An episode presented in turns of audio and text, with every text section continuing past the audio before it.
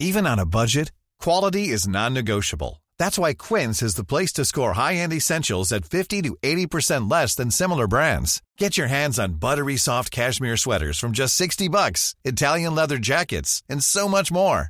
And the best part about Quince, they exclusively partner with factories committed to safe, ethical, and responsible manufacturing. Elevate your style without the elevated price tag with Quince. Go to quince.com slash upgrade for free shipping and 365-day returns.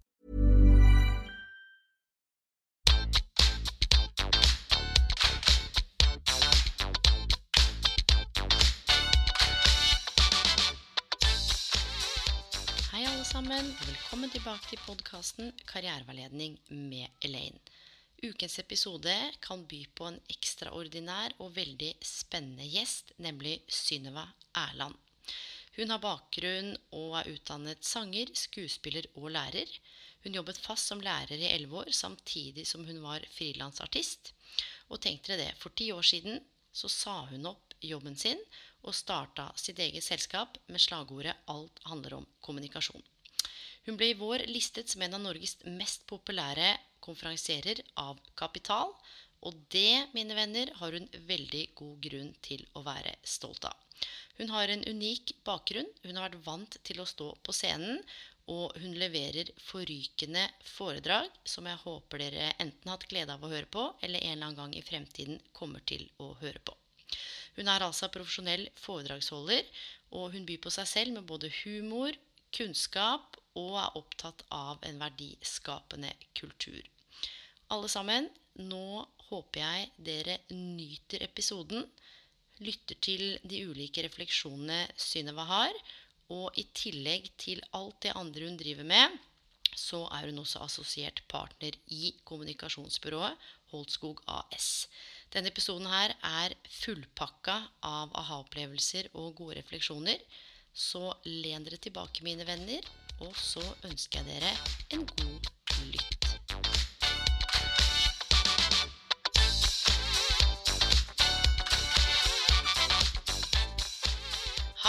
Synnøve. Er du på linja? Ja, det er jeg. Hei, hei. Hallo, du. Så hyggelig at du tok deg tid til å være gjest i podkasten. Dette her har jeg virkelig, virkelig sett frem til. Ja, Så bra. Veldig kjekt å være her. Ja, og jeg tenker at vi skal jo gjennom et par temaer i dag som lytterne skal bli litt bedre kjent med etter hvert. Men før vi setter i gang selve hovedbolken, så må vi bli litt bedre kjent med deg. Mm. Så det første jeg lurer på, er husker du hva du ville bli når du var liten? Mm, ja, faktisk. Det er litt uh, spesielt. Jeg var fire år gammel og hadde lyst til å bli operasanger. Ok. Hvor, hvor kom den uh, inspirasjonen eller de tankene fra, da? Ja, Den kom rett og slett av at jeg hadde oppdaga at det var noe som heter søndagsmatiné på NRK da jeg var liten. Og det var operaforestillinger. Og av alle ting så satt den lille fireåringen der og så på lange operaforestillinger på TV. Og jeg tror at jeg ble inspirert av all dramatikken, av kostymene, av lyden, stemningen, musikken. Det var så mye følelser. Det, var, Ja. det, det gjorde veldig sterkt inntrykk på meg. Ja, og, og dette her har, har fulgt deg på en måte gjennom altså sånn det, det sitter i deg på en måte, og det fulgte deg gjennom eh, skoleårene, og, og følger det deg nå også, eller? Altså, for å si det sånn, så var det ikke så lenge jeg hadde lyst å bli operasanger, men det har allikevel antageligvis satt seg fordi jeg ble jo skuespiller og sanger. Men det er nok kanskje at, at operasjangeren ikke fenger helt til meg da. Men, men eh, det med følelsene og det med formidlingen og kommunikasjonen som jo en operasanger òg har, det, det har jo holdt seg helt til nå. Men du, og er det ikke veldig spennende hvordan eh, en matiné eller eh, kanskje noen vi, vi treffer, eller noe vi ser, hører, opplever, på en måte kan vekke noe så sterkt i oss, uten Mm. at vi på en måte klarer å, å forstå det da som fireåring, men at Ja. det virkelig det satte noen spor som har vært med på å kanskje påvirke noen av karrierevalgene dine, litt sånn overordna, da. Mm, helt klart. Jeg finner det så utrolig fascinerende. Men, men gjennom f.eks. barneskole, ungdomsskole, videregående, holdt du på med noe musikk, eller hvordan eh, var det Ja, da? Ja, jeg har jo sunget hele tida. Jeg begynte i kor da jeg var typ sju år gammel, eller noe sånt. Eh, Ja. Og så hadde jeg en kort karriere som cellist. Den varte dessverre ikke så lenge, for, for eh, læreren eh, slutta. Og da var det ikke tilbud eh, på kulturskolen der jeg bor. Så det har alltid vært en liten sånn sorg, for jeg syns cello er så veldig, veldig vakkert. Er det noe du har vurdert å ta opp, eller i voksen Nei, jeg Nei. har ikke det. det jeg har nok å gjøre. Ja, nettopp, nettopp. Men Men, men musikken har jo altså. fulgt meg. Jeg har jo sunget, sunget alltid.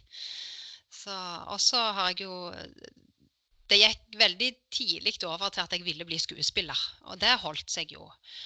Eh, Og det har jeg jo blitt, selv om jeg ikke har Jeg kom ikke inn på teaterskolen. Jeg kom nesten inn, Ja. eh, og, men valgte jo litt annerledes da etter at jeg hadde prøvd på teaterskolen. og Kom nesten inn, men ikke helt inn. men var drømmen på en måte på den tiden det var å komme inn der? Var det på en måte målet, vil du si? Mm, mm, veldig intenst mål om det. Ja. Jeg gikk i lesetimer hos eh, skuespillere. Jeg eh, var veldig opptatt av teater og har vært det hele livet, egentlig. Men hvordan håndterte du det hvis du tenker tilbake, at du ikke kom inn da? Ja, selvfølgelig ble jeg veldig skuffa, som eh, alle som ikke kom inn. Jeg kom jo til siste prøve, så vi var jo bare 15 stykker igjen. av jeg tror det var 1000 søkere eller noe sånt det året. Så det var jo ganske Jeg kom ganske langt. Eh, og det tror jeg var med og hjalp meg til å takle det egentlig ganske bra. Når jeg ser tilbake nå, så tenker jeg at jeg tok det egentlig veldig bra fordi jeg jeg var så stolt av at jeg hadde kommet helt til siste prøve. Og jeg lærte så utrolig mye den uka jeg var på siste prøven. Da var det jo alle mulige slags tester og improvisasjoner og fysiske tester og intervjuer hele den uka. Og det var så lærerikt, og det var så spennende for ei landsens jente å få lov å være med på inn i store hovedstaden. Så, så jeg var egentlig bare kjempestolt av å ha klart å komme så langt. Og det er jo en fantastisk måte. Altså, det er jo lov til å gå i kjelleren. Jeg pleier jo å si det at alle følelser er jo til for å, å føles. Og så er det jo -hmm. noen som er i kjelleren litt lenger, og så er det noen som bare ikke orker å ta stilling til kanskje et form for nederlag eller feedback eller en setback, og fortsetter. Og så kanskje det, det dukker opp litt seinere. Men det er Mhm. akkurat det du er inne på nå, med det å kunne både reflektere og være bevisst den læringen eventuelle nederlag både i karriere, men i livet generelt faktisk kan være en form for gave, hva det kan bringe med seg. For sannheten er at vi snubler jo alle sammen av og til. Ja visst, ja visst. Det er jo ikke noe rett linje fra, fra A til B. Men da kom du altså ikke inn der. Men hva, hvor gammel er du nå da? På den tiden? Da er jeg 19 Nei, 20 år var jeg. 19 var jeg da. Mm. Hva, hva, hvordan satte du kursen videre da? Da drog jeg til Bergen og begynte på teatervitenskap. Så da tok jeg en, en eh, mer teoretisk tilnærming og historisk og lærte meg teaterhistorie. Hadde jo en del teaterkurs der òg. Mm. Um, og så fortsatte jeg jo å synge, så eh, jeg søkte rett og slett på Musikkonservatoriet Ja. og kom inn. Så da ble det sang videre. Og da, jeg tenkte nok egentlig hele tida at jeg hadde lyst til å kombinere teater og sang. Og det har jeg gjort òg. Men jeg skal bare spørre, for at nå, nå med teater og sang så slår det meg umiddelbart, for jeg har jo jobbet med noen i karriereveiledning som har, om ikke ha, har hatt helt like tanker, men som har vært opptatt av teater og sang, men hvor foreldre eller de rundt har sagt at eh, Nei, men det kan du jo ikke leve av. ikke sant? Mm. Det er umulig å bli skuespiller, det er umulig å leve av sang og dans og drama. Man må finne deg en ordentlig jobb. Det er ofte mange kommer til meg som har en sånn enorm kreativitet og lidenskap for det du beskriver nå. Ja. Eh, var det noen som på en måte prøvde å snakke deg fra det, eller opplevde du at du hadde støtte hele veien? Hvordan var det? Jeg hadde veldig stor støtte i mine foreldre. De er Ja. kunstnere sjøl. Så de eh, vet hvordan det er å Ah. leve med ujevne inntekter. Men jeg husker jo når jeg sa jeg skulle bli skuespiller til min mormor, som eh, var ei vidunderlig dame, men som nok hadde noen eh, litt gammeldagse oppfattelser av hva det var å være skuespiller. For det var jo folk på den, de skrå bredder. Så eh, jeg husker jeg fortalte det henne at jeg skulle bli skuespiller. Var egentlig veldig stolt av det. Og så sa bare mormor uff da. Ja. Ikke sant. Ja. Og, og så er det jo sånn at de som, som vi er glad i, som er eh, nære, de vil jo oss bare vel, men samtidig så har jo din sin, de har jo sin oppfatning av, Ja. av verden. Altså påvirka det Mm. deg på noen måte? Nei, egentlig ikke. Nei. Fordi jeg hadde så god støtte i mine foreldre. Så, så eh, jeg lo litt av det, tror jeg. Prøvde å forklare mormor hva det var, men eh, Ja. hun var ikke så begeistra. Men hva vil du si til de si unge voksne i dag, da, som virkelig kjenner på den, den driven og kreativiteten, og så har de kanskje noen rundt seg som heller syns de skal studere noe, noe ordentlig, og nå sier jeg det hermetegn, for jeg har enormt respekt for, for kunsten og, og faget og selve yrket som, som handler om det du beskriver. Mm. Hva, hva vil du si til de? For det kan jo være at man kjenner på en konflikt mellom hva man ønsker og drømmer om, og hva alle andre vil at du skal gjøre. Hvordan løser man det, da? Ja, jeg tenker jo det aller viktigste er å følge sin egen lidenskap og det som en faktisk brenner for. For jeg kan ikke tenke meg noe verre enn å ha et langt yrkesliv og ikke være fornøyd. Altså du bruker så mye tid på jobb at da er det viktig, i alle fall for meg, og jeg tror for de fleste andre, at en faktisk brenner for det en gjør. Da tror jeg en gjør en mye bedre jobb òg. Det, det tror jeg Der sa du det. Nå, nå, og det er jo ikke alle forunt nødvendigvis å finne ut av alt hva de gjør, eller hva de har lidenskap for, men det er det å, å fortsette å lete og utforske, og så plutselig så finner man det. Mm. Og når du kjenner den, når, når tiden står stille, når du holder på med det du holder på med, det, det er jo en gave i seg selv. Mm. Men, men det er jo lett å bli berørt av alle andres tanker og meninger, og det der med å våge å stole litt på seg selv, da. Ja visst. Og, og jeg har jo òg opplevd at jeg har te- Jeg tenker etterpå at jeg har gått i noen feil spor fordi at jeg ikke helt hørte på hva som egentlig var meg. F.eks. når det gjelder Musikkonservatoriet. For da gikk jeg på en klassisk sangutdannelse. Ja. Eh, Men eh, jeg skjønte litt for seint at det var egentlig rytmisk jeg skulle ha gått på. Fordi at eh, den klassiske, klassiske sjangeren passer egentlig ikke så godt til meg. Verken personlighetsmessig eller stemmekvalitetsmessig. Så, så der gikk jeg i tre år på Musikkonservatoriet og følte mer og mer at jeg ble konservert. At, Ja. at jeg ble kjørt inn i et spor som egentlig ikke helt var meg. Det resulterte jo faktisk i at jeg gikk mange år etterpå uten å synge. Vet du hva? Jeg er så glad for at du deler det der. For det, det, det, er, det er jo virkelig en god historie, et godt eksempel på eh, hva det kan gjøre med oss da, når vi, Mm. når vi er, er på feil spor. Uten at det går Mm. alltid an å hoppe og gjøre noe annet. Men du slutta å synge. Mm, jeg gjorde det, altså. Eh, For jeg måtte finne stemmen min på ny igjen etterpå. Jeg måtte finne ut eh, hva er det egentlig jeg har lyst til å synge. Hvordan, hva passer til min stemme. Mm. Så, så jeg brukte lang tid på det, og eksperimenterte med stemmen. Men i begynnelsen så var jeg veldig sånn Uff, jeg syns bare jeg sang fælt. Jeg syns ikke det var fint. Jeg syns ikke det var godt nok. eh, Ja. Så, men så, så begynte jeg å våge å eksperimentere og våge å lete etter min egen stemme. Sang i rockeband en stund. Og, eh, ja, gjort masse rart. Um, og nå koser jeg meg med å synge. Nå elsker jeg å synge. Synger når jeg holder foredrag, og, og bruker det som et sånn overskudds... Og sånn som det jo egentlig skal være, for å vekke følelser. Ja, for Kan ikke du si litt til de som, som lytter? Nå har vi blitt litt, litt kjent med deg og, og litt av veien. Men hva er det du egentlig gjør i dag, da? Hvis du skulle på en måte beskrevet det til de som lytter, som ikke kjenner til deg? Jeg er foredragsholder på fulltid. Mm. Eh, og så jobber jeg òg som kommunikasjonsrådgiver. Og det jeg holder foredrag om, det er kommunikasjon i mange fasetter. Mm. Og, og du driver jo for deg selv. Mm. Jeg har faktisk tiårsjubileum i år, så jeg har drevet i ti år. Ja. Hvordan, hvordan altså koblingen med, med sang, altså formidling og kommunikasjon, men hvordan bestemte du deg for å starte for deg selv, da? Det handla om at jeg hadde vært eh, Jeg tok jo en pedagogutdannelse eh, og sangerutdannelse, så jeg var eh, lærer i elleve år. Og artist samtidig. Sånn at jeg, jeg hadde en sånn dobbeltjobb veldig lenge, og det var veldig, veldig travelt, i tillegg til at jeg var småbarnsmor. Ja. Så, så, kjente jeg nok hele tida at det var artistbiten jeg hadde mest lyst å gjøre.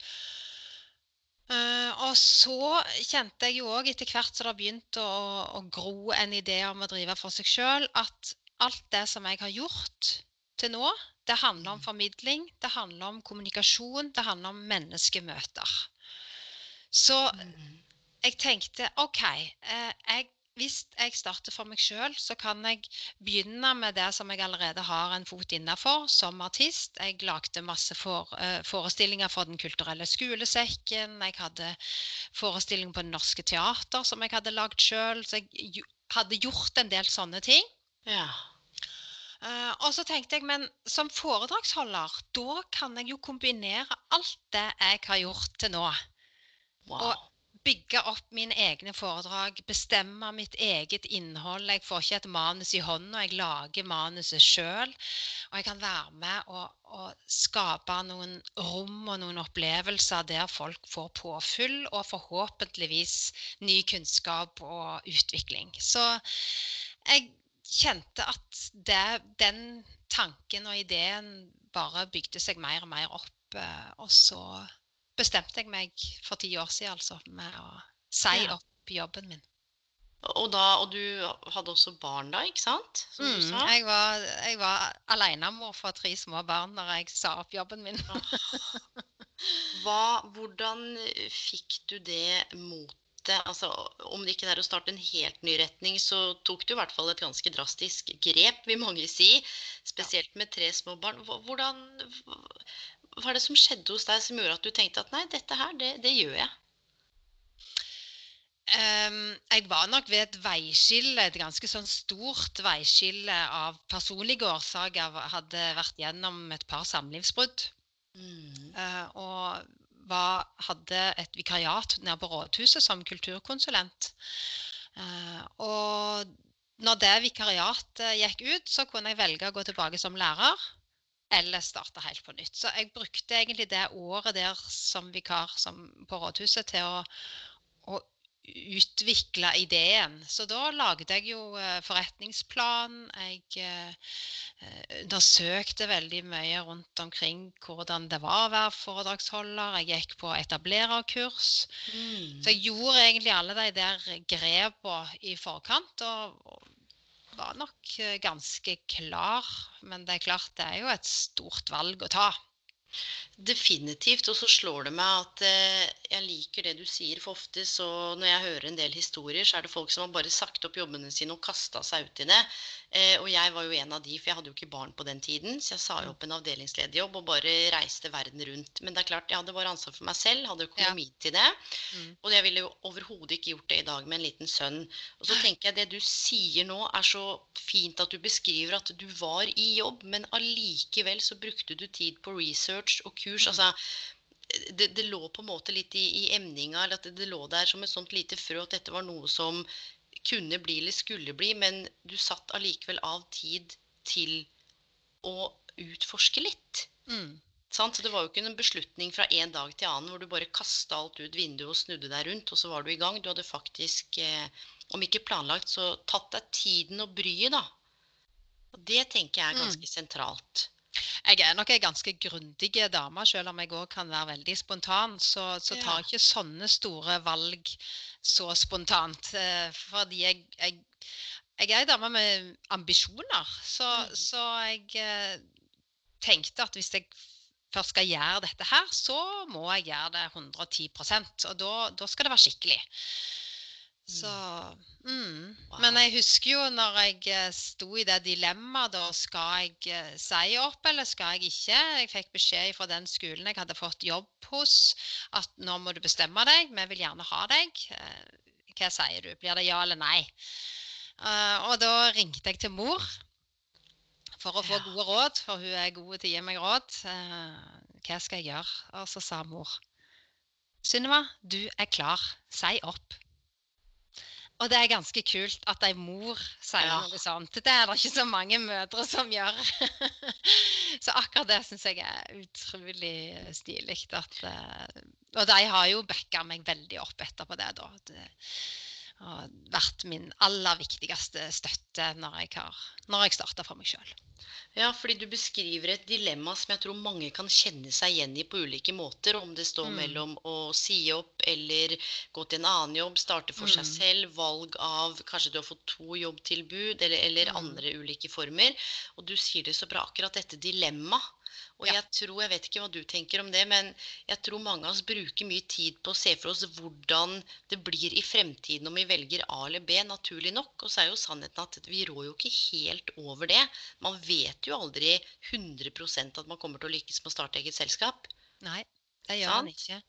Eh, Min sikkerhet eh, var jo at jeg visste jeg kunne få en ny jobb som lærer hvis jeg ville Ja. det. Eh, Men jeg hadde jo ikke noe økonomisk sikkerhet, så det var egentlig å tjene penger fra dag én. Ja, og, og, og jeg må jo si du er utrolig modig, og det er jeg litt nysgjerrig på. da. Hva, hva skal til for å lykkes som gründer? Hva skal til Hva er det som har gjort at du har lykkes da, med å komme dit du er i dag? Som du sa, tre barn, starte for deg selv. Hva, det er veldig mange som forsøker, men som ikke får det til. Mm, det er nok ja. Tror nok det handler om at jeg er grundig. At jeg Ja. gjør ting veldig skikkelig, eh, samtidig som jeg har et eh, pågangsmot og, eh, og ambisjoner. At jeg, jeg har nok et veldig sterkt konkurranseinstinkt. ja Så, som driver meg ganske langt, altså. Ja, for hvordan, hvordan eh, tok du kontakt med noen, eller hvordan markedsførte du deg altså på den tiden? Hvordan er det du på en måte kom i gang med dette her, da? Jeg oppdaget jo veldig tidlig at jeg kan bruke sosiale medier eh, Ja. aktivt. Så, så uten det så hadde jeg aldri vært der jeg er i dag. Jeg, har, jeg lagde rett og slett en sosial mediestrategi veldig tidlig, og brukte det helt bevisst eh, gjennom hele oppstarten. Mm. Mm. Og gjør det fremdeles. Ja, og dette bringer meg jo litt over til, eh, til hovedtemaet vi skal snakke om i dag. Vi skal innom et par eh, bolker, bl.a. kommunikasjon og påvirkningskraft. Vi skal snakke om tillit, ledelse og selvledelse. Og så kommer vi litt tilbake til karriere og gründerskap. Og du med, med sang og teater og formidling er jo over snittet, sånn som meg, opptatt av kommunikasjon og påvirkningskraft. Mm. Og det er også noe av det du holder foredrag eller eh, som du formidler og snakker om. Men de som lytter, da, kommunikasjon er et sånt veldig stort ord egentlig, og kan være litt sånn Mm. svulstig og flytende for mange. Hva, hva er kommunikasjon for deg, da? Det handler om tilknytning, om, om det å skape tilknytningspunkt, tenker jeg. Og, og skape en samhandling, at en gjør noe sammen. Mm. At en, at en kjenner at det er noe her som Jeg bruker ofte musisering, jeg som er musiker, vet du. Altså, når en, hvis du tenker på en samtale, sånn som denne samtalen her sammen med deg nå, så kjenner jeg at nå driver vi og musiserer fordi vi er inni et tema som vi begge to brenner for. Vi spiller ball med hverandre. Vi, vi har det gøy i lag. Ja, og vi har ikke noe manus. Det er litt improvisasjon i dette her også. Ja, visst er det det. Visst er det det. Og det er det jo i en samtale, i all kommunikasjon. Så, og da handler det mye om å prøve å forstå den andre. Og prøve å lytte til den andre. Hva er det som blir sagt nå? Prøve å se på når en, når en sitter ansikt til ansikt, og prøve å se på det nonverbale. Hva er det slags signal som blir gitt ut? Så jeg er veldig opptatt av at i en samtale så skal en ha minst like mye fokus på den andre som på seg sjøl. Mm, definitivt. Og, og det er jo noe med det som vi også snakket om litt før vi spilte inn podkasten, at vi alle blir jo påvirka av hverandre til enhver tid med vår Mm. kommunikasjon. Og så lar vi også andre påvirke oss. Og, hvis jeg bare tar et eksempel da, for de som lytter, i og med at det handler jo litt om, karriereveiledning også.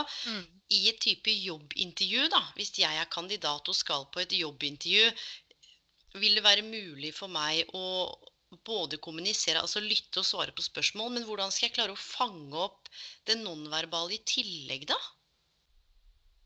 Det er jo en treningssak, men Mm, vi fanger egentlig ganske mye opp intuitivt òg. Eh, det er derfor jeg syns det er viktig å formidle litt og lære folk litt opp til å ta, igjen, ta tilbake igjen den der intuitive. For vi har mista litt av det. Når vi er små barn, så, så, er vi veldig intuitive. Vi leser veldig fort kroppsspråk, men så mister vi det litt når vi blir voksne. Så å bli bare det å, å ha tenkt igjennom det på forhånd at nå skal jeg prøve å være litt observant på kroppsspråk òg. På den nonverbale kommunikasjonen. Både mitt eget og den som intervjuer meg. Bare det å ha tenkt den tanken gjør at du tar inn signal på en litt annen måte. Det er veldig mye bevisstgjøring, dette her. Ja, og det er akkurat det som du sier, at uh, i hvert fall til dere som lytter òg, det, det, å ha med seg den tanken inn, og kanskje mm. gjøre seg noen egne refleksjoner knyttet til eget kroppsspråk, eller uh, i hvert fall det man klarer å, å, fange opp i møte med andre. Kanskje være nysgjerrig på hvordan andre oppfatter deg. Mm. Men så jeg vil litt tilbake til dette du sa om at barn Nå har jeg en liten sønn på 15 måneder, og, barn er definitivt eh, intuitive. Men hva er det som gjør at mange av oss voksne mister det litt på veien, eller skrur av den bryteren? Hva kan det handle om? Ja, Det er et godt spørsmål. Der, jeg tenker at det er veldig mye vi skal lære. Altså, når en er liten lite barn så har en ikke så mye å spille på. Altså, da er det de basale tinga. Og så lærer vi mer og mer etter hvert som vi vokser til. Og så begynner vi på skolen, så får vi kanskje eh, beskjed om at vi må gjøre sånn og sånn. Vi må sitte mm. stilt på stolen og være flinke og greie. Og mange ting som, som spiller inn på dette her. Og så mister vi litt den der naturlige barnlige måten å være på. Og det skal vi på en måte òg gjøre, men vi skal ikke miste alt. Det, det, er noe med å finne den balansegangen. Eh, og hente fram litt av de der basale ting òg. Ja, og så nevnte jo du til meg når vi snakka sammen, at eh, vi har jo også et stort ansvar for vår egen kommunikasjon. Men av og til mm. så er det mye lettere å peke utover og ja. si at lederen gjorde sånn, kollegaen min gjorde sånn, han på første rad der, han var sånn, og derfor mm. blei jeg sånn, eller derfor så sa jeg det. Kan ikke du dele noen refleksjoner rundt eh, dette med ansvar for egen kommunikasjon, hva du tenker rundt det? Ja, det er jo ingen andre som har ansvar for din kommunikasjon det er jo bare du som har ansvar for det. Eh, så, så, det er lett å si at ja, men eh, han sa sånn, og lederen min gjorde sånn, så da er ikke det min feil. Men i en f.eks. en konflikt, da, så er det alltid to parter eller flere. Eh, og alle har noen ansvar. Så det å se seg sjøl litt i speilet og lytte til seg sjøl og tenke hva er det slags signaler jeg gir ut, og hva slags mm. signal vil jeg gi ut? Og det viktigste rådet mitt, det er jo prøv å få andre til å føle seg vel i din nærhet. Mm. Der ligger det en nøkkel. Ja, og det vil jo kanskje være ulikt fra samtale til samtale eller møte mm. til møte hva folk trenger, forventer, er opptatt av, har behov mm. for. Noen trenger rammer og struktur, noen trenger frihet og ingen rammer. Mm. Eh, så det er litt sånn som du sier, også kunne tune seg inn. Da. Men går det an å trene på å ta ansvar for egen kommunikasjon? Hvordan kan jeg vite hva du trenger, f.eks.? Du kan jo spørre meg. Mm. Mm. Ja, det, det, gjør vi egentlig altfor lite. At yes, vi, vi, spør egentlig Ja.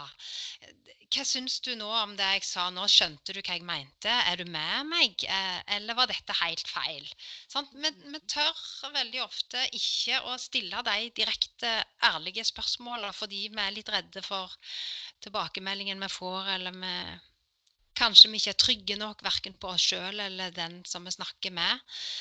Det er noe med å prøve å finne den tryggheten i seg sjøl eh, først, og så mm. prøve å gi den tryggheten ut til sine omgivelser. Ja, og nå er vi jo litt over i dette andre punktet som også er svært viktig, og det er jo tillit. Mm. Og du snakker jo om det nå nettopp med å få andre til å føle seg vel i din nærhet. Og tillit er også et sånt ord vi hører ofte og bruker ofte. Mm. Men så er det ikke alltid like lett bestandig å forstå hvordan er det man bygger tillit? Nei, Nøkkelen ligger jo der òg i å få andre til å føle seg vel. Men, men eh, hvis vi skal gå helt tilbake til gode, gamle Aristoteles, ja. så, så, snakket jo han om tillit som bygd opp av uh, noen viktige ting her. Og det ene er kunnskap. Mm. Det andre er personlighet. Og det tredje er intensjoner. Så for å få tillit, så må du vise at du kan noe om det som du holder på å snakke om, kunnskapen. Eh, du må ha en personlighet der eh, folk trives i din nærhet, folk liker deg. Og så må du vise at du har gode intensjoner overfor vedkommende. Og så har jo jeg drista meg til å putte et ord oppå dette igjen, og det handler om verdi. Jeg må gi deg noe av verdi for at du skal få tillit til meg. Du må kjenne at dette er verdifullt for deg. Mm. Det tror jeg er noen av eh, noe av essensen da, i det med å bygge tillit. Men det er jo ikke noe som kommer ramlende ned i hodet på deg. Det er noe som du må bygge opp, og det kan brytes ned. Og da er det veldig vanskelig å bygge det opp igjen. Og så er det noen personer du får fortere tillit hos, og noen det tar litt lengre tid med. Og det handler jo om kjemi, det handler om personlighet. Det handler om veldig mange ting, egentlig. Mm, men, men dette, det, akkurat de fire punktene du sa der, er jo ekstremt sentrale. Og så er det noe med at de også er konkrete. Ja. Og det er det jeg er litt, litt, opptatt av, som du nå beskrev veldig fint. Igjen fordi tillitkommunikasjon Det er store ord, men ja. når det konkretiseres på en så fin måte, så blir det lettere for både lytterne og for meg og, og, og alle på en måte kunne knagge det på noe. Mm. Sånn, og si, si for eksempel, hvis du, unnskyld, hvis du for er i et, et, jobbintervju, da. Hvis du mm. har det som en sånn utgangspunkt. Nå skal jeg vise at jeg kan litt om dette. Kunnskapen. Mm. Jeg skal mm. prøve å være en hyggelig, imøtekommende person. Og jeg skal vise at jeg har gode intensjoner. Jeg ønsker å bidra med noe inn i denne jobben her. Det kan, det kan være noen Som kan være en verdi. Ja, mm. som kan være verdi. Mm. Ja, og der har du egentlig Jeg er ikke spesielt glad i oppskriftssamfunnet, det må jeg bare si. Sånn tre trinn for å bli et lykkeligere menneske. Men der har man i hvert fall i utgangspunktet fire gode refleksjoner. Mm. Og, og, dette her er jo, når man snakker om tillit, så er det noe med både selvfølelse og selvtillit også. Ja. Dette her kan jo brukes som en sånn form for kartleggingsverktøy på egne vegne. Altså har jeg mm. kunnskap nok? Hvordan oppfatter ja. andre meg? Hva er det jeg opplever selv at jeg tilfører av verdi? Altså, um, disse punktene kan jo brukes også. Ta et blankt ark, mine venner som lytter, og, og, og gjør noen refleksjoner. Kanskje hvis man står i en karrierevalgsprosess eller skal i et intervju eller har et møte på jobben eller med en eller annen leder hvor man kanskje famler litt. da. Mm. Men vil du si at selvtillit er grunnleggende for å bygge tillit til et annet menneske? Eller er det noe som kan komme jo mer man kjenner at man blir god i hermetegn på å bygge tillit? Jeg tror det er litt kombinert, egentlig. Ehm, men, men sjøltillit er jo veldig grunnleggende for at du skal klare å vise hvem du er. Og det er jo det som bygger tillit, hvis en virkelig føler at oi, her er det et menneske som jeg skjønner. Jeg klarer å lese vedkommende. Vi, vi blir jo lett litt usikre på folk som ikke helt vet hva vi har. Mm. Men du, jo tryggere du er i deg sjøl, jo tydeligere kommunikasjon du har ut, jo lettere blir det å få tillit, fordi folk skjønner hvor de har deg. Eh, mm. Det er jo veldig ofte hvis, hvis folk driver med dobbeltkommunikasjon, de sier en ting med ordene, og så sier de en yes. helt annen ting med kroppsspråket, så blir du usikker på dem. Du vet ikke helt uh, hvor du har dem. Og, og, og, da vegrer du deg litt. Så får du ikke den der tilliten umiddelbart. Nei, også kanskje, som vi snakket om i punktet over, at man er redd for å, å spørre. At du jeg mm. opplever, eller klarer å sette ord på det som den mottagende part. da. At mm. det, det, er, noe som skurrer, for å bruke litt sånn flåsete ord. At det, det, er også vanskelig kanskje å få satt ord på det, og liksom stoppe dialogen, gå ut av dialogen og, og prøve å få tak i hva det egentlig dreier seg om. Så man blir jo sittende der. Mm. Og så foregår det på en måte en indre dialog hos deg, en hos meg, og så snakker mm. vi om egentlig noe som Man kan jo kjenne i rommet, hvis man er til stede, at, at det er noe som ikke helt knepper på plass. Ja. Det, når jeg er kommunikasjonsrådgiver, hvis jeg er inne i et selskap over kanskje litt lengre tid og skal være med og hjelpe til med bedriftskulturen, f.eks. Da, da kan jo jeg ha den nøytrale rollen der jeg i en sånn konflikt, en sånn en scene som du beskriver der, at jeg kan være den som stiller de spørsmålene som de ikke tør å stille sjøl. Eller, eller, jeg kan gi noen oppgaver der de skal, skal snakke om de tingene som kanskje er litt vanskelige.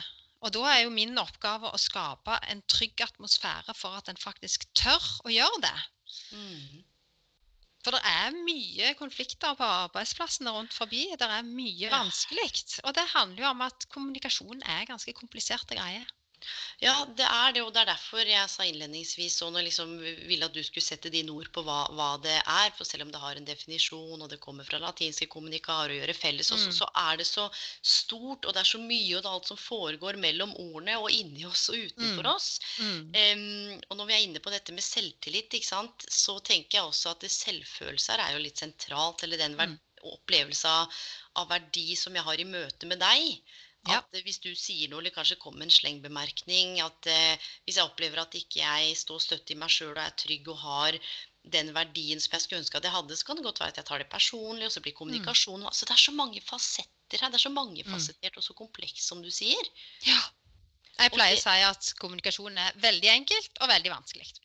Ja, og, og dette her bringer meg jo over til det neste temaet, som handler om ledelse og selvledelse. For der er jo både kommunikasjon og tillit og selvfølelse og, og alt det vi har snakket om nå. Eh, og du har jo noen refleksjoner rundt dette her. Det var bl.a. en undersøkelse fra Deloitte. Kan ikke du snakke litt om, om det? For det fant jeg veldig interessant. Ja. eh, Deloitte har jo eh, gjort en undersøkelse, eller de gjør en undersøkelse hvert år som heter The Human Capital Trends. Eh, som går på hva er det som er The Global Human Capital Trends. Det er jo rett og slett en globale undersøkelse. En veldig svær undersøkelse. Eh, og den handler om hva er det som er behovene våre på arbeidsplassen. Hva er det som er trendene på arbeidsplassen? Hva er det som kommer? Hva er det en ser i forkant? eh, Og hvordan skal en angripe det? Og nå har nettopp Deloitte kommet med den siste undersøkelsen, og den har vel ti forskjellige punkt, tror jeg. Og, og veldig mye der kommer fram, er at Veldig mye av det som kommer fram der, det er at folk har behov for følelsen av tilhørighet. Det er en av de Mhm. vesentligste punktene for folk på arbeidsplassen og generelt. Og det har jeg jobba veldig mye med når jeg jobber med bedriftskultur. Hvordan kan vi skape en god fellesskapsfølelse? Hvordan kan en få folk til å føle denne tilhørigheten? Og det er klart, Vi har jo vært igjennom noen veldig spesielle måneder akkurat Ja. nå med korona. og der vi sitter på hvert vårt eh, rom og snakker via en skjerm. Mm. Og jeg er jo bekymra for hva det gjør med vår fellesskapsfølelse, med vår tilhørighetsfølelse på arbeidsplassen. Jeg ser jo at det er flere nå som sier at nå kan hjemmekontor bli permanent. Eh, Ja. Og jeg tenker ja, vel og bra det. Eh, og det er klart det er bra for miljøet sin del at vi ikke reiser så mye. Vi har jo reist altfor mye på forskjellige møter som vi slett ikke hadde trengt. Men vi må ikke glemme at opplevelsen av å være et fellesskap er ekstremt viktig for oss mennesker. Og den der gode energien som blir i et rom, og ansikt-til-ansikt-kommunikasjonen, den betyr nesten alt, den, tenker jeg. Ja, og er ikke, er ikke det fascinerende? For jeg tror akkurat det der ordet tilhørighet, det Altså i, i lang, lang, lang tid Og jeg, jeg skal bare si, jeg hadde en gjest, altså Anders Dysvik, han er professor på BI, og han snakket om dette med de ulike generasjonene. Mm. Alt fra millennials altså til, til Ja. At det er faktisk ikke så store forskjeller som alle skal ha det til. Han knuste noen, noen myter og svada om det. Han sa det at snakker du med du, de på 18-19, så, er de like- så er de like opptatt av mening og tilhørighet Mm. eh, som de som er eh, 40-50-60. Mm. At det, det, ligger så iboende i oss. Og det er interessant du sier der, fordi et av de vesentlige punktene i Deloitte sin undersøkelse handler om perennials. Det er det siste Ah. nye. Ok. Og- Perennials betyr eh, evigblomstrende, eller som i hagen vår, en staude. Som blomstrer om igjen og om igjen om igjen. Mm. Og jeg syns det er så nydelig begrep å bruke, for det handler rett og slett om at eh, vi, vi kan blomstre sammen samme hvor gamle vi er. Og Mm. i undersøkelsen så ser de at nå blir det mye mer kobling av alle generasjoner. Ja. Jeg, jeg, som uh, har passert 50 år, kan eh, i morgen ha en sjef som er 25. Hvordan mm. takler jeg det? Og kanskje det faktisk er veldig sunt for både meg og den på 25. Mm. Fordi vi, vi har så mye å tilføre. Den, den, unge har masse energi, masse pågangsmot, masse engasjement. Og jeg har masse kunnskap, erfaring. Og tenk hvor fint hvis en kan klare å få til bedriftskulturer der, der alle spiller ball med hverandre med sine utgangspunkt. Enten du er 25 eller du er 75. Ja, og nå er du inne på noe som ligger mitt hjerte nært. Og det handler jo både om eh, hva skal jeg si, sosial rettferdighet og litt sånn utenforskap. Og nå snakker jeg ikke mm. bare om de som på en måte står utenfor arbeidslivet og, og som per definisjon og, men, men, også det, det er mange som er ensomme og opplever utenforskap på arbeidsplassen. Mm. Eh, og, og, som du sier, at noen steder så kan det være generasjoner av, av eh, altså klynger. da, Det er noen som er eldre og noen som er yngre. Men akkurat det du beskriver nå, det Anders sa, at det, det er så mye å lære på kryss og tvers. Så er det mm. kanskje opp til noen, ikke alle, for jeg skal ikke generalisere, men opp til noen av enkeltindividene der ute som tenker at jeg er um, 59, kunne aldri hatt en sjef på 25. Hva skal hun eller han lære meg? Eller um, en på 19 som kanskje ikke får noe plass ved det viktige møtet fordi man tenker jeg er jo bare 19 år, hva kan jeg? Jeg har jo ikke noe å bidra med. Og så sitter mm. man allikevel på kanskje masse digital kompetanse mm. eller andre ting. Altså, når vi snakker om kommunikasjon og tillit og kanskje inn i bedrifter, hvordan skal vi åpne opp de dørene der og, og sette opp vinduene og få til det du beskriver nå? Ja, det er et veldig godt spørsmål. Jeg tenker jo at der må ledere bli mer bevisste. Og de må bli mer bevisste både på disse trendene som f.eks. Deloitte snakker om. Det er jo ikke bare Deloitte som snakker om det, det er mange som snakker om det i dag. Og vi kan jo bare se på at eh, de unge i dag har jo en helt annen digital kompetanse f.eks. enn de mm. eldre. Eh, og det begynner heldigvis veldig mange å se, og dermed tar de naturlig nok inn flere yngre i arbeidsstokken. Men ledere må òg være veldig bevisste på sin egen rolle som leder, som rollemodell. Og mm. jeg er jo veldig opptatt av at hvis du som leder ønsker å ha en raus og inkluderende kultur på arbeidsplassen din, så må du være det sjøl. Du må være de verdiene du ønsker at dine ansatte skal ha og hele tida vise det med handling. Så de lederne som bare snakker i store ord, men som ikke gjør noe med det sjøl, de klarer ikke å få til akkurat det som de store ordene sier. Og det mm. ligger et veldig stort ansvar i det eh, som leder å, å vise tydelig hva slags kurs en ønsker å ha. Ja, og jeg tror mange ledere som lytter, for det er faktisk mange ledere som lytter på podkasten også, er jo helt enig. Og så er det et litt gap mellom hva de ønsker å gjøre, og hva de sier, og hva de faktisk gjør i handling, sånn som du mm. beskriver. Mm. For det er jo sånn at en del ledere er jo pressa på tid, man opplever ja. kanskje krysspress. Det er, noen har jo utøvende roller, administrative roller. Um, sånn at det er jo en del ledere som, og kanskje spesielt under koronatiden òg, som man, man, har så lyst, men så får man det ikke helt til. Mm. Sant? Og har du noen refleksjoner litt sånn på tampen, dette visste du ikke at jeg skulle spørre om, men til de som lederne som kanskje strever litt med akkurat det, intensjonen er god, kunnskapen er der, altså man har lyst til å tilføre verdi, de fire eller tre knaggene til Aristoteles pluss din knagg, mm. men så blir det et sånt gap mellom tanke og handling. Fordi det er for mye på tapeten. Hvordan, hva gjør man da? Ja, eh, faktisk så satt jeg i går og, og leste et kapittel i en helt, helt flunkende ferske bok som heter 'Fremtidsrettet ledelse', av ja. ei som heter Eva Hagstrøm. Eh, og hun snakker om en metode som heter 'slow down to speed up'. Mm. Eh, der hun snakker om at en må kanskje bli flinkere til å ta seg tid til å sette seg ned og rett og slett bruke masse tid på å kartlegge hvor er vi hen, hvem er vi, hvordan har vi det her. Og så må en eh, etter hvert Nå har ikke jeg lest veldig langt i denne boka, for hun er så fersk ennå. Jeg har bare lest noen få eh, kapittel. Men, men ettersom jeg skjønner, så, så, tenker hun litt eksponentielt på dette med læring òg. At, at, det går mm. At en skal ha ei, slak kurve i starten, og så plutselig så får en tempo. Men en må bruke tid på å bygge kulturen først. Må, og hvis en allerede har en kultur som ikke fungerer, så må en bruke tid på å reparere. Mm. Eh, det beste er selvfølgelig å, å, at en ikke må reparere, men at en faktisk bruker tid på å bygge hele tida, helt fra starten av. Mm. Eh, og, og, jeg tror det er veldig mange som som ikke tar seg tid til akkurat den viktige biten der. Eh, der det er mennesker, der blir det kultur. Uansett. Uansett, ja. Både ja. kultur og ukultur og alt Ikke som hører med alle subkulturer og alt, alt du kan tenke ja. deg.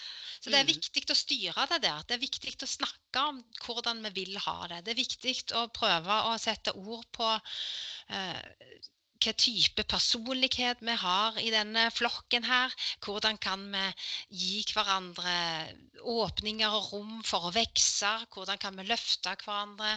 Eh, hvordan kan vi utnytte hverandres forskjeller? For det er helt klart at i bedrifter der det er store forskjeller og stort mangfold, hvis de klarer å ha en høyde under taket, så blir det bedre bedrifter. De blir mer lønnsomme, de blir mer innovative, mer kreative. Eh, så mangfold er utrolig viktig og veldig bra hvis en klarer å få det til. Men det er òg vanskelig. Ja, og så er det jo sånn at jeg tror mange ledere, og jeg har jobbet med en del ledere også, blant i omstilling og karriereveiledning, og mye forskjellig i ulike kontekster. Mm. Og, og, noe av det som går igjen, kanskje der hvor Jeg liker ikke å bruke ord å lykkes eller ikke lykkes, men hvor det har vært litt, eh, vært litt tøft med kulturen, eller en del slitne ledere, for å bruke et litt slitent mm. begrep. Mm. Um, så føles det ut som han bærer så himla mye ansvar på sine egne skuldre. Mm. Og da er det viktig å spille ball med flere. Det er en veldig ensom jobb å være leder hvis ja, du ikke nettopp. spiller ball med dine ansatte. Altså. Du, du må ha flokken med deg. Mm. Og da er man jo inne på dette igjen med kommunikasjon og tillit. Altså alt det vi snakker om, alt henger jo sammen med alt. Mm. Mm. Og så var det jo sånn at i 2014 så grunda jo du en lederkonferanse. Mm, det gjorde jeg sammen med ei annen driftig dame som heter June Kristin Wima. Ja, og, og der var jo temaet bl.a. etikk, ledelse og kommunikasjon var et forum for samfunnsansvar. Hvordan eh, Kan du knytte noe av det eh, på noe av det vi snakker om nå? Altså det er noen synergier der, eller noen røde tråder? Ja, Den røde tråden er jo viktigheten av å være bevisst på kommunikasjon. Mm. Være bevisst på ditt eh, ansvar som leder. Ikke bare internt, men når vi kommer til det med samfunnsansvar, så, så har vi alle sammen et samfunnsansvar òg, tenker jeg. Og vi tok jo opp veldig mye dette med etiske dilemmaer i, mm. Eh, i bedriftskultur, i kommunikasjonen vår, for å lære om hverandre sine verdier. Jeg jobber en del med det i mine kurs og workshops, der jeg har sånne Der vi snakker om etiske dilemmaer, da. Og eh, dette var ting som vi tok opp på lederkonferansen på den tida. Det begynner jo å bli noen år siden. Eh, mm. og jeg syns det er veldig fint å se at eh, dette med samfunnsansvar har jo bare vokst og vokst siden den gang. Mm. Eh, og fokus på ledelse syns jeg òg har vokst på en veldig fin måte siden den gang. Så ja, alt henger sammen med alt. Og alt handler om kommunikasjon. Ja, og så tenker jeg i og med at jeg er også over snittet opptatt av etikk. altså Både, mm. både i rollen jeg har tidligere i ulike lederroller, men også spesielt som karriereveileder og ja, det jeg holder på med. Eh, hvordan opplever du Og dette er litt sånn rart spørsmål, men det er jo masse etiske dilemmaer som man kan komme opp i. Eh, man snakker med kunder, med, med medarbeidere. Mm. Tenker du at det snakkes nok om etikk innad. Når vi skal snakke om bedriftskultur, da. En ting er kanskje etiske prinsipper, eller man har verdier man styrer etter. Men hvor viktig er på en måte etiske refleksjoner inn i en bedriftskultur? Det er kjempeviktig. Og jeg tror det er veldig mange som bruker altfor lite tid på det. Men det Ja. er en del som gjør det òg, altså. Nå er jeg rådgiver inne i en kommune, og de holder på å utvikle en strategi rundt akkurat dette med etikk. eh, Og Ja. har en del workshops og diskusjoner rundt det. Men det er helt klart vesentlig eh, å snakke mer om. Ja, for, for at kommunikasjonen kommunikasjon har jo man snakket om i lang tid, som du sier, og Mm. ledelse og ledelsesfag og, og tilhørighet. Og, men det slår meg at liksom det grunnleggende etiske ved, ved hvordan vi snakker, hvordan vi forholder altså alle disse dilemmaene som du nevnte man kan komme opp i, at det fins måter, eller rom da igjen, for å Mm. adressere dette her, sånn at ikke jeg som medarbeider sitter med mitt lille etiske dilemma, og så snakker jeg ikke med noen om det, for jeg føler meg kanskje litt dum, eller Mm. Sant? At det er også et viktig aspekt av en, en kultur, da, en kommunikasjon, Helt klart. tenker Og det å, jeg. det å våge, sånn som du skisserer der, å våge faktisk å si at du, nå har jeg et uh, dilemma her. Tror Ja. du du kunne vært med og diskutert det litt med Ja. meg? Men det krever ofte et mot å, å spørre om det.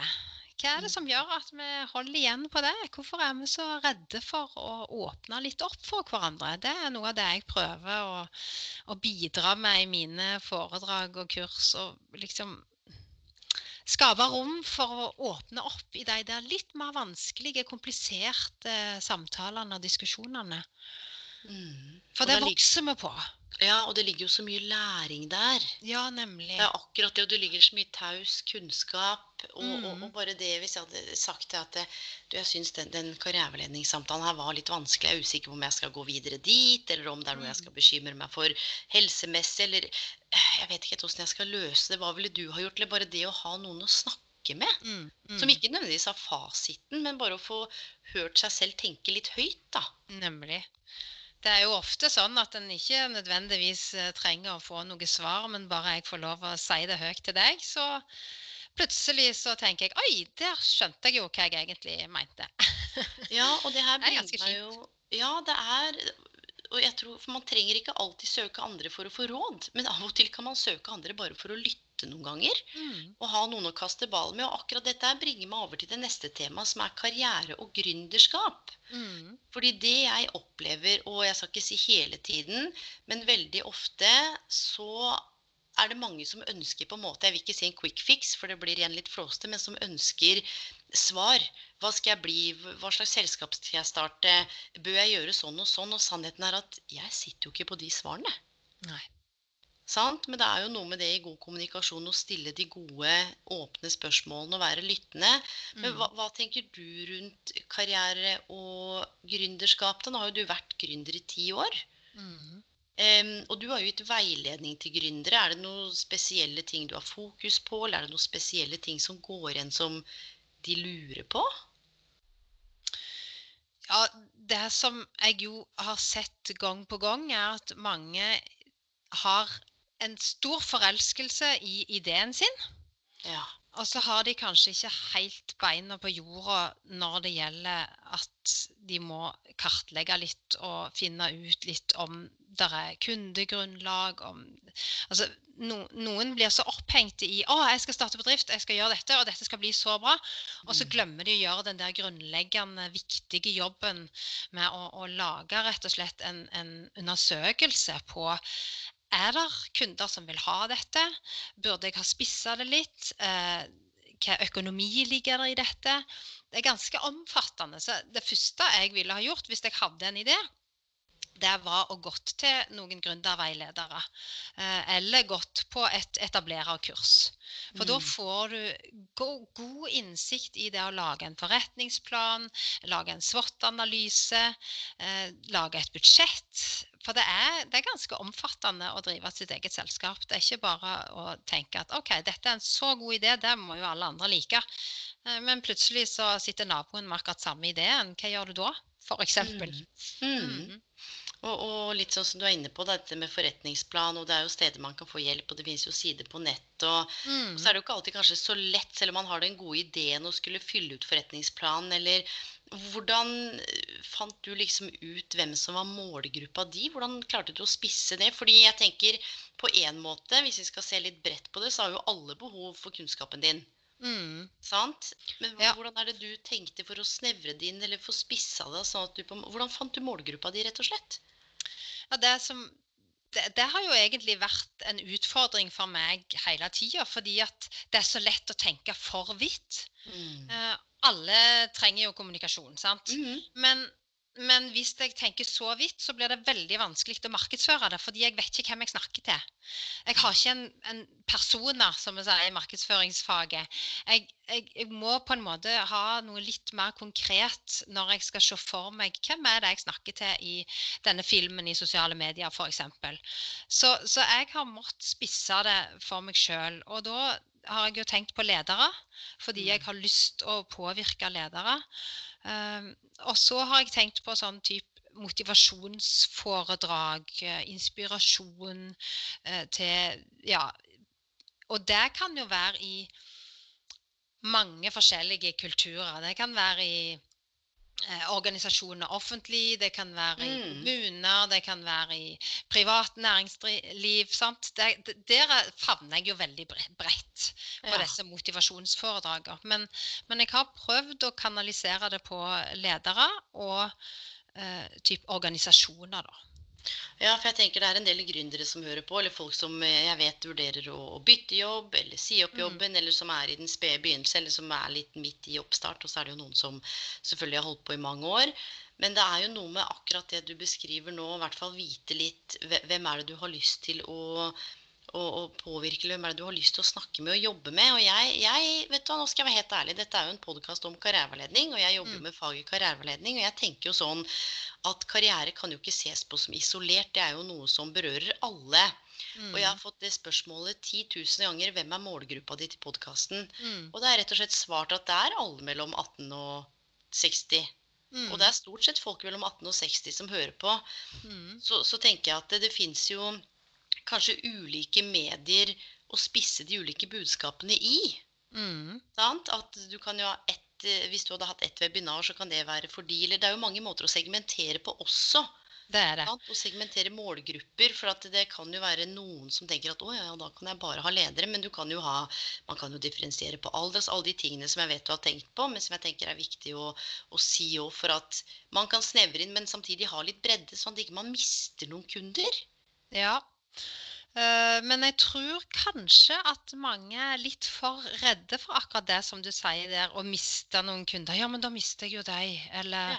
men, men samtidig så, så blir du kanskje enda tydeligere hvis du spisser det litt. Men det som jeg tenker kan være en løsning i, i dette dilemmaet som du skisserer her, det kan jo være at en kan ha eh, ja, Hvis vi tenker på markedsføring, da. En kan mm. ha noen kampanjer som er eh, I denne måneden her så snakker jeg til den målgruppa. I denne sant. uken snakker jeg til den målgruppa. sant? At en, at en Mm. gjør sånn som du sier, lager noen segmenter og, og er spissa i det, den og den kampanjen, da. Mm. For, for jeg tenker dette er såpass viktig, både forretningsplan og alt det, men som du sier, og som jeg tenker er lurt å være tydelig på, det er mange ting som er viktig, men å i hvert fall ha litt klart for seg en eller annen form for målgruppe.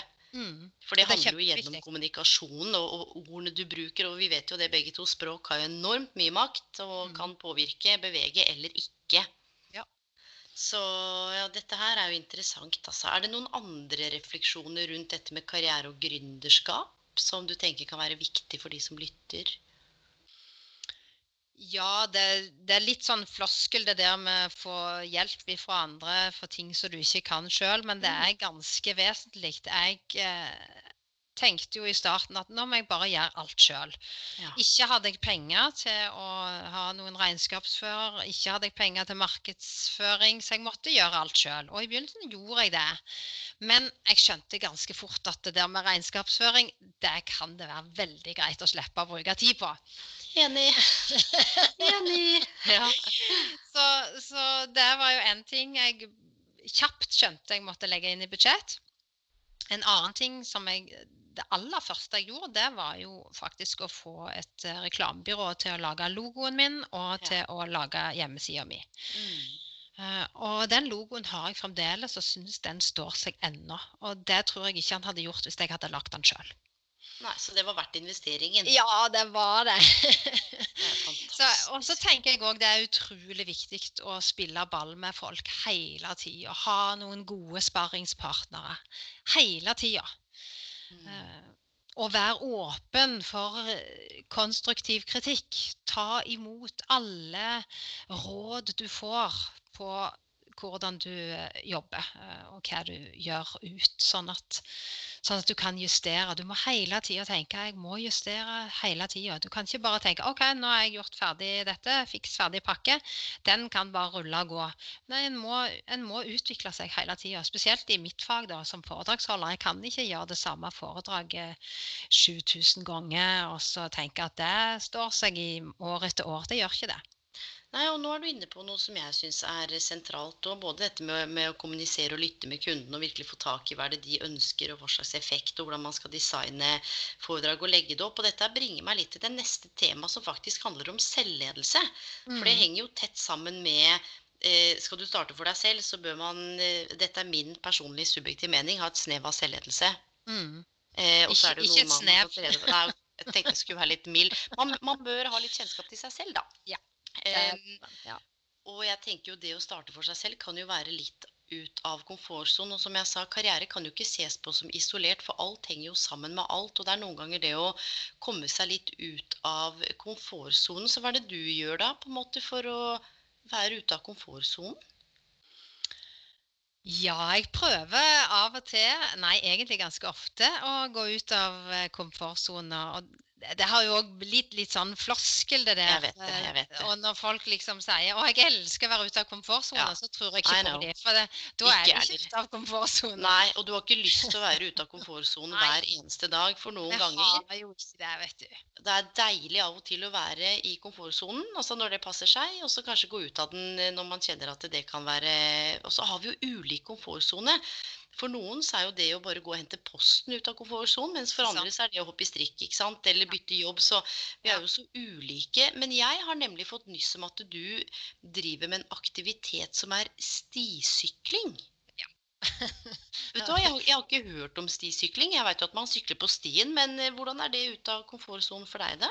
Det, det, er jo rett og slett dritskummelt, for å si det rett ut. Eh, fordi det er ikke bare på en sånn eh, koselig, brei, flate sti. Det er jo på fjell og i steinrøyser og i bratte bakker. Så du må være ekstremt konsentrert hele tida. Og og du må våge å gi slipp. For hvis du setter på bremsene for mye, så tryner du. Så der har jeg en veldig stor utfordring i å våge å gi slipp. I å våge å slippe den bremsa og våge å kjenne på farten. Og det har tatt meg ganske lang tid å, å våge det. Det begynte for tre og et halvt år siden. Jeg fikk meg en kjæreste som var aktiv stisyklist. Han hadde ja. holdt på med dette i over 15 år. Så han var jo rimelig bra over mitt nivå, for å si det ja. mildt. Eh, men ja, en, en, ting som var veldig utenfor komfortsona, i tillegg til alt det der fysiske, at jeg måtte gi slipp og sånt, det er faktisk å være amatør. Det syns jeg er enormt utfordrende å ikke være best på alt. Eh, fordi jeg som sagt har et veldig høyt konkurranseinstinkt. Og det mm. tenker jeg jeg har enormt godt av. Å kjenne på at her er jeg helt på bar bakke. Dette kan jeg ikke i det hele tatt, men jeg gjør det likevel. Det er en god trening. Du, det her syns jeg var en fantastisk metafor for livet. Ja, ikke sant? Ja. På alle mulige måter. Og, og det gir jo deg også en enorm mestringsfølelse. Veldig. Og, og, den, den ja. følelsen du får, da, og liksom du sier dette med å bremse og slippe og våge og Er det noe du også kan ta med deg inn i, i ditt arbeid? Hvis du ser at det er en sammenheng der for deg? Helt klart. Eh, jeg har jo sagt nå at jeg er ganske grundig, og det kan jo òg være en utfordring. Fordi ja. kan, du kan bli for grundig, og da mister du litt av det levende og improvisative. Og du, du mister litt av Hva skal jeg si Det å, å våge å gi slipp på scenen òg. Ja. Så, så, jeg bruker disse erfaringene fra stisyklingen absolutt inn på scenen. Der jeg av og til sier til meg sjøl OK, nå, nå, kan du Du vet hva du skal si. Du har et innhold. Du har mm. noen flotte slides. Du har jobba med dette foredraget nå 30 timer. Nå kan du gi slipp. Nå kan du slippe å bremse, og så kan du bare musisere. Så kan du bare spille ball med publikum og kjenne at nå er det levende, nå er det godt her. Og de gangene er jeg jo ekstremt nervøs når jeg liksom bare gir helt slipp. Men det er de gangene det blir best. Ja. Det er da det blir liv i, i eh, rommet. Ja, jeg kjenner jeg får frysninger nå, i og med at jeg holder, holder for, jeg bare, Nå var jeg på en måte inne i historien din. Skjønner du? Så mm. at du slapp bremsen og gikk på scenen ja, og bare kasta deg utafor med, med, med, noen rammer, vel å merke. Det var liksom ikke noe fjellskrent der, men det var at du manøvrerte deg gjennom på en sånn fri måte. Mm. Og det er da det blir best, altså. Det er det ingen tvil om. Men du må jo ha gjort et ekstremt grundig arbeid i forkant. Ja. Det er jo mange ja, ja. som steiler litt på at vi foredragsholdere får så vanvittig høye honorar og sånt. Men det er de færreste som kommer på at vi faktisk bruker kanskje minst 30 timer i forkant før et foredrag. Ja, ja, ja. Og så, det skal tenkes og reflekteres og lages, og du skal lytte og skreddersy, og vi skal kanskje reise et stykke. Mm. Og det er mange ting der, sånn at eh, jeg tror mange tenker at ja, ja, men det er den ene timen. Ja, men det er, eh, det er, hele stien, for å si det mildt. Det er en lang sti. Definitivt. Ja, det var faktisk et veldig, veldig viktig aspekt, altså. Mm. Men du, nå er det sånn, Synnøve, du vet at vi har snakka over en time. Oi, oi, oi. Vi kunne snakka i tre timer til, vi. Du, vi kunne det. Og derfor så tenkte jeg Du skjønner, jeg la ut eh, at du skulle komme på podkasten, og jeg har fått inn veldig mange spørsmål. Så tenkte jeg at avslutningsvis så skulle vi bare ta et par av de. Mm. Er det greit? Ja, veldig greit. Da er det første spørsmålet står Kjære Synnøva. Jeg følger deg og jeg er stor fan. Veldig, jeg kan sende til deg etterpå veldig sånn lang avhandling om en som syns du er et fantastisk menneske. Og så eh, skriver hun Hva ville du gjort hvis du ikke holdt på med det du gjorde i dag? Og det kunne ikke ha noen linker til på en måte musikk, dans, drama. Så hva ville du gjort da? Ja, skal vi se.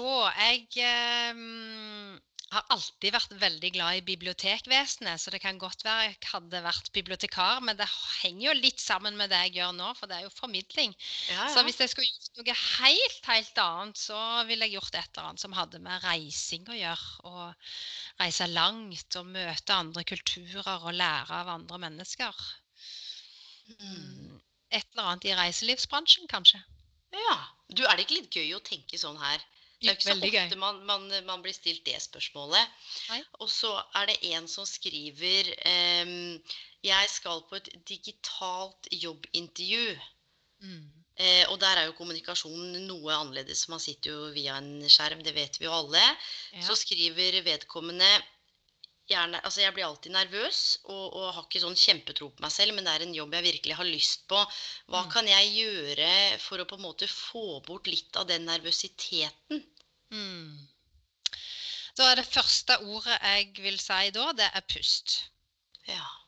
Eh, som sanger så bruker jeg jo pusten veldig aktivt og vet hvor godt det hjelper. Så det å ta et skikkelig djupt magedrag langt ned i magen og puste ut lenge på en lang F, f.eks. Få, ut hele lufta fra magen og gjør dette flere ganger, kanskje ti ganger. Da skjer det noe både mentalt og det skjer noe fysisk i kroppen din som gjør at du faktisk slapper mer av. Jeg bruker det som en teknikk hver gang jeg skal på scenen. For jeg blir ja. nervøs hver eneste gang jeg skal på scenen, selv om jeg har gjort dette i ti år. Ja. Så pusten er ekstremt viktig. Forberedelsene er veldig viktige. Mm. Eh, å ha lagd noen stikkord for deg sjøl Eh, og prøv å ikke si til deg sjøl at du ikke har så tro på deg sjøl. Du kan prøve å overbevise deg sjøl om det motsatte. og Litt sånn 'fake it till you make it'. Så prøve å, å snu den tankegangen. Mm. Uh, og tenke på alle de tingene som du er bra på, og dyrke dem i stedet for at 'Nei, men jeg er kanskje ikke så flink til dette', eller sånn. Hvis du har veldig lyst på den jobben, mm. så, så, mobiliser alt du kan av kompliment til deg sjøl i forkant. Ja. Eh, og, og prøv å styrke deg sjøl i forkant med det. Og ha noen gode stikkord på et papir foran deg. Og så er det òg viktig når det er digitalt, at du har en, en, fin ramme rundt det. At det ikke er veldig rotete. At, ikke, at ikke skjermen er sånn at vi bare ser eh, taklampen. Men at vi faktisk Vi har sett litt mange taklamper og dobbelttaker i det siste. Ja, ja, ja. Du, jeg snakka med en. Ja, da var, eh, da var, eh, det var en dame jeg fått lov til å dele, samme hvem det er. Men da, og da var eh, PC-skjermen rett i puppa. Du tenkte ikke over det selv, antageligvis var oppslukt i samtalen og kom bort til PC, så jeg satt jo og stirra rett ned i kløfta. Men det er jo noe med igjen å tørre å si fra, da.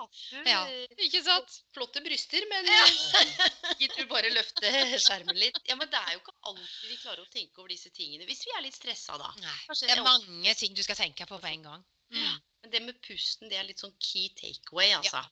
Ja, det er det. Pusten har ekstremt mye å si, altså. Jeg driver jo med meditering hver eneste dag, og da, da, bruker jeg jo pusten veldig aktivt. Bruker den som et anker mm. for å finne den der roen som jeg trenger. Ja, det er kanskje det du sier. Man skal jo være litt, litt spent, men også ha den roen, altså ha den balansen ja. inn i et intervju. Du, det var veldig, det var en eh, klok refleksjon. Og så er det en annen som skriver at hei, jeg jobber som leder. Jeg sitter som en del av en ledergruppe. Jeg har jobbet her en stund, men jeg er på en måte den nyeste. Det er et sett med mellomledere, da, med direktør og Så skriver hun at jeg har masse tanker og ting jeg har lyst til å si, men jeg får meg på en måte ikke til å si noen ting Nei. i det fora. Jeg er redd for å fremstå som dum eller liksom sånn ja, lite kunnskapsrik. Og da står det har du noen tips eller råd for hvordan jeg kan overkomme det? Mm. Dette er jo klassisk at en ikke har tro nok på seg sjøl, eller en er redd for at en ikke skal være gode nok. Jeg har jo vært rådgiver for mange ledere opp igjennom, spesielt kvinner i mannsdominerte arbeidsplasser. Som, og da har jeg hjulpet dem rett og slett med pusten der òg. Å finne den der roen i seg sjøl, og samtidig eh, våge å ta det første steget. Eh, mm. Men, men, jeg kjenner jo igjen det der hjertet hjertet som banker vanvittig fort straks du liksom eh, skal rekke opp hånda og våge å si et eller annet. Det er, det er sykt skummelt. Det er langt ut av komfortsona. Og det er det fremdeles for meg òg i visse fora. Uh, og da, da tenker jeg at jeg skal bare gjøre det noen ganger. Selv om det er helt forferdelig pyton, så skal jeg bare gjøre det mange nok ganger til at etter hvert så blir jeg trygge på det. Eller i alle fall tryggere på det. Um, men prøv å alliere deg med noen i rommet som du kjenner gir deg en god eh, energi, gir deg gode vibber. Prøv kanskje å, å henge deg litt fast i den energien og ta den mm. til deg mens du snakker. Um, men ta det første steget. Det, det er jo det viktigste. Ja, og så vil man jo kunne lære også når man tar det første steget. Og mest sannsynlig, ikke bestandig, så vil jo det vedkommende kanskje tenker eller kommer med, være noe som er fornuftig. Det er jo som regel det. Vedkommende det sitter jo som en leder der, og det gjør hun ikke for ingenting. Hun har jo masse kompetanse. Og jeg er helt sikker på at alle i rommet vil være veldig glad for at hun bidrar og blir med i samtalene og kommer med sine innspill. For hun har garantert veldig mye bra å komme med. Ja, det tenker jeg. Og samtidig så tenker jeg hvis jeg eller du eller noen andre som lytter altså Hvis man hadde vært lederen i det rommet, da, for dette kan jo kanskje være noe som er mulig å fange opp også. Ja, det er det. At, at, enten Jeg skal ikke si at lederen ikke gjør en god jobb, for det er ikke det det handler om. For det kan være at det er mye som foregår. Men enten at det går an å sette ord på det og ta en prat med nærmeste leder, eller for hvert fall Eh, at det går også å løse det på en eller annen konkret måte. Jeg vet ikke, men dette er en problematikk. Jeg har også jobbet en del ulike organisasjoner hvor, som jeg har møtt på en del ganger, hvor man er redd for å speak up, selv om man på en mm. måte sitter på fagkunnskap, men man er redd for å mm. fremstå som ignorant eller dum eller alle de tingene man går og forteller seg selv. Da. Men det å ta det første stedet Bare gjør det. Ja, Høres så teit ut å si, men, eh, ja. men, eh, det er den eneste måten vi lærer på. Vi kan jo bruke veldig mye tid på å tenke at vi burde trent, eller tenke at vi burde sagt noe, men det skjer jo ikke noe. Hvis ikke vi gjør det. Hoppe. En må bare slippe den bremsen. Nettopp. Og så sa jeg 'bare', men det er ikke bare ja, bare. Jeg vet det. Nei, men, men det, er, det men, er, egentlig ikke sånn kjempemye annet å, å komme med sånn konkrete, tunge råd. Sant? Nei, jeg, jeg tror det er å gjøre det ofte nok. eh, Mm. Og etter hvert så vil en få en annen trygghet. Eh, Jeg har jo veldig mange fora opp gjennom den tida jeg har vært gründer. Vært i sånne store auditorier på lederskoler og sånne ting. Og så uh, har jeg tenkt å nei, jeg kan ikke si noe her. Men så er det en annen stemme i meg som sier jo, men hvis Ja. du sier noe her, så vil folk huske deg igjen. Uh, og så vil det kanskje komme et oppdrag eh, av det.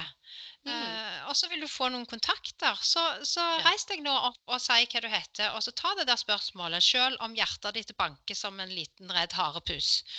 Og så har jeg gjort det mange nok ganger til at jeg etter hvert eh, tør å gjøre det uten at det harde hjertet blir så bankende. Mm. Og der tror jeg nok at Jeg vet at menn òg har problemer med det og utfordringer med det, men jeg tror nok dessverre at mange av oss damer er litt reddere for å, eh, å ta ordet. Vi tenker at vi må ha så veldig kloke ord å Ja, med, og være så veldig kunnskapsrike før vi våger å, å åpne kjeften. Mm. Så det å våge, Så- rett og slett. Ja, jeg tror det. Så, det er jo mange som klager over damer på at uh, det er for få kvinner som uttaler seg i medier. Men jeg kjenner mange journalister, og veldig mange sier at ja, men når vi ringer til kvinner som informanter, så sier de enten de har ikke tid nå, eller nei, jeg vet ikke, jeg kan ikke nok om det, eller eh, Mm. Nei, det tør jeg ikke. Eller, sant? Så vi må våge litt mer med damer. Vi må si Mm. ja når vi har sjans. Ja, og bruke stemmen vår. Yes. Og det tenker jeg, altså det er ingen som tenker akkurat de tankene eller har akkurat de følelsene du har rundt det temaet du har tenkt å si noen ting om, og det kan være så kraftfullt og så mye merverdi at du ikke tror det engang. Mm. Sant? Og det å teste det ut. Ja, og det tenker jeg mange ganger når jeg står og holder foredrag òg. Kan holde foredrag for en masse eh, veldig kompetente ledere. Så kan jeg tenke Oh my God, her skal jeg, lille Ja, ja. meg, stå på scenen og lære deg noe om noe.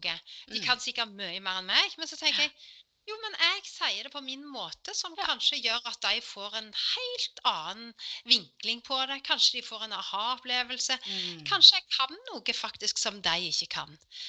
Vi har alle masse kompetanse som vi kan dele. Dele Mm. mer, tenker jeg er viktig. Det er musikk i mine ører. Musikk. Deilig. Du, helt avslutningsvis nå, det kan være at vi må lage en del to med deg, altså, for vi rekker ikke alle spørsmålene. Vi har snakket i 1 time og 14 minutter. Oi, så deilig. Ja, så nå skal vi ta det siste. Og det er, dette her er Her kan du liksom få ut det du har på hjertet til alle de som lytter. Hva vil du si er dine beste karrieretips eller karriereråd? Tro på deg sjøl. Hvis du ikke tror på deg sjøl, så bygg det opp. Og tenk på hva er det du brenner for, og gå den veien. Jeg har tro på lidenskap, jeg har tro på engasjement, at det må komme ifra noe som du føler er deg sjøl. Noe som Mm. er ekte. For uh, hvis det ikke er ektefølt, det du holder på med, hvis du bare gjør noe halvveis, så så vil du ikke trives. Så kan en selvfølgelig si at en kan ha en veldig enkel eh, jobb som en bare tjener penger på, og så kan en drive med det en vil eh, Mm. for utenom. Selvfølgelig går det an, men, men ha en, finn lidenskapen din, og Mm. følg den. Passion. Ja, Passion. Mm. Du, Synnøve, det har vært eh, en stor glede å snakke med deg og lytte til deg. Like. Mye kloke tanker. Jeg kjente Jeg, pust, jeg har pusta flere ganger etter du sa det, så Når jeg pusta på F-en, så har jeg liksom bare vært i sonen. Ja, Behagelig stemme har du, og rolig Altså du formidler sånn ro... Jeg kan jo bli litt engasjert noen ganger, men du har veldig sånn rolig, god, deilig stemme å høre på. så fint. Ja. Takk skal du ha. Du, tusen, tusen takk for at du valgte å være gjest. Men før vi avslutter, så må jo du si til alle som lytter, hvor kan vi finne ut mer om deg? Du kan finne meg i alle kanaler på sosiale medier. Og så kan du finne meg på talerlisten, på Athenas, på Norsk foredragsformidling. Eller du kan finne meg på min hjemmeside, synneva.no. Ja, Og, og du, er, altså, du er på Facebook, Instagram, LinkedIn du er Über alles.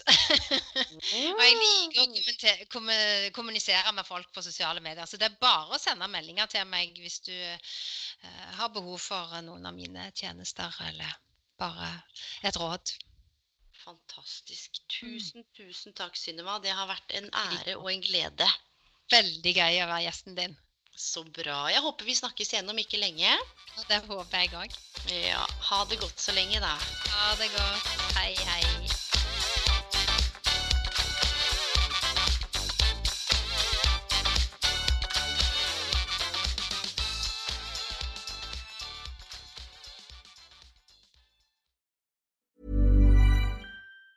Hi, I'm Daniel, founder of Pretty Litter. Did you know cats tend to hide symptoms of sickness and pain? I learned this the hard way after losing my cat, Gingy. So I created Pretty Litter, a health monitoring litter that helps detect early signs of illness by changing colors, saving you money and potentially your cat's life. Pretty Litter is veterinarian developed, and it's the easiest way to keep tabs on your fur baby's health right at home. Go to prettylitter.com and use code ACAST for 20% off your first order and a free cat toy. Terms and conditions apply. See site for details. Planning for your next trip? Elevate your travel style with Quince. Quince has all the jet setting essentials you'll want for your next getaway, like European linen, premium luggage options, buttery soft Italian leather bags, and so much more. And is all priced at 50 to 80% less than similar brands. Plus, Quince only works with factories that use safe and ethical manufacturing practices. Pack your bags with high-quality essentials you'll be wearing for vacations to come with Quince. Go to quince.com slash pack for free shipping and 365-day returns.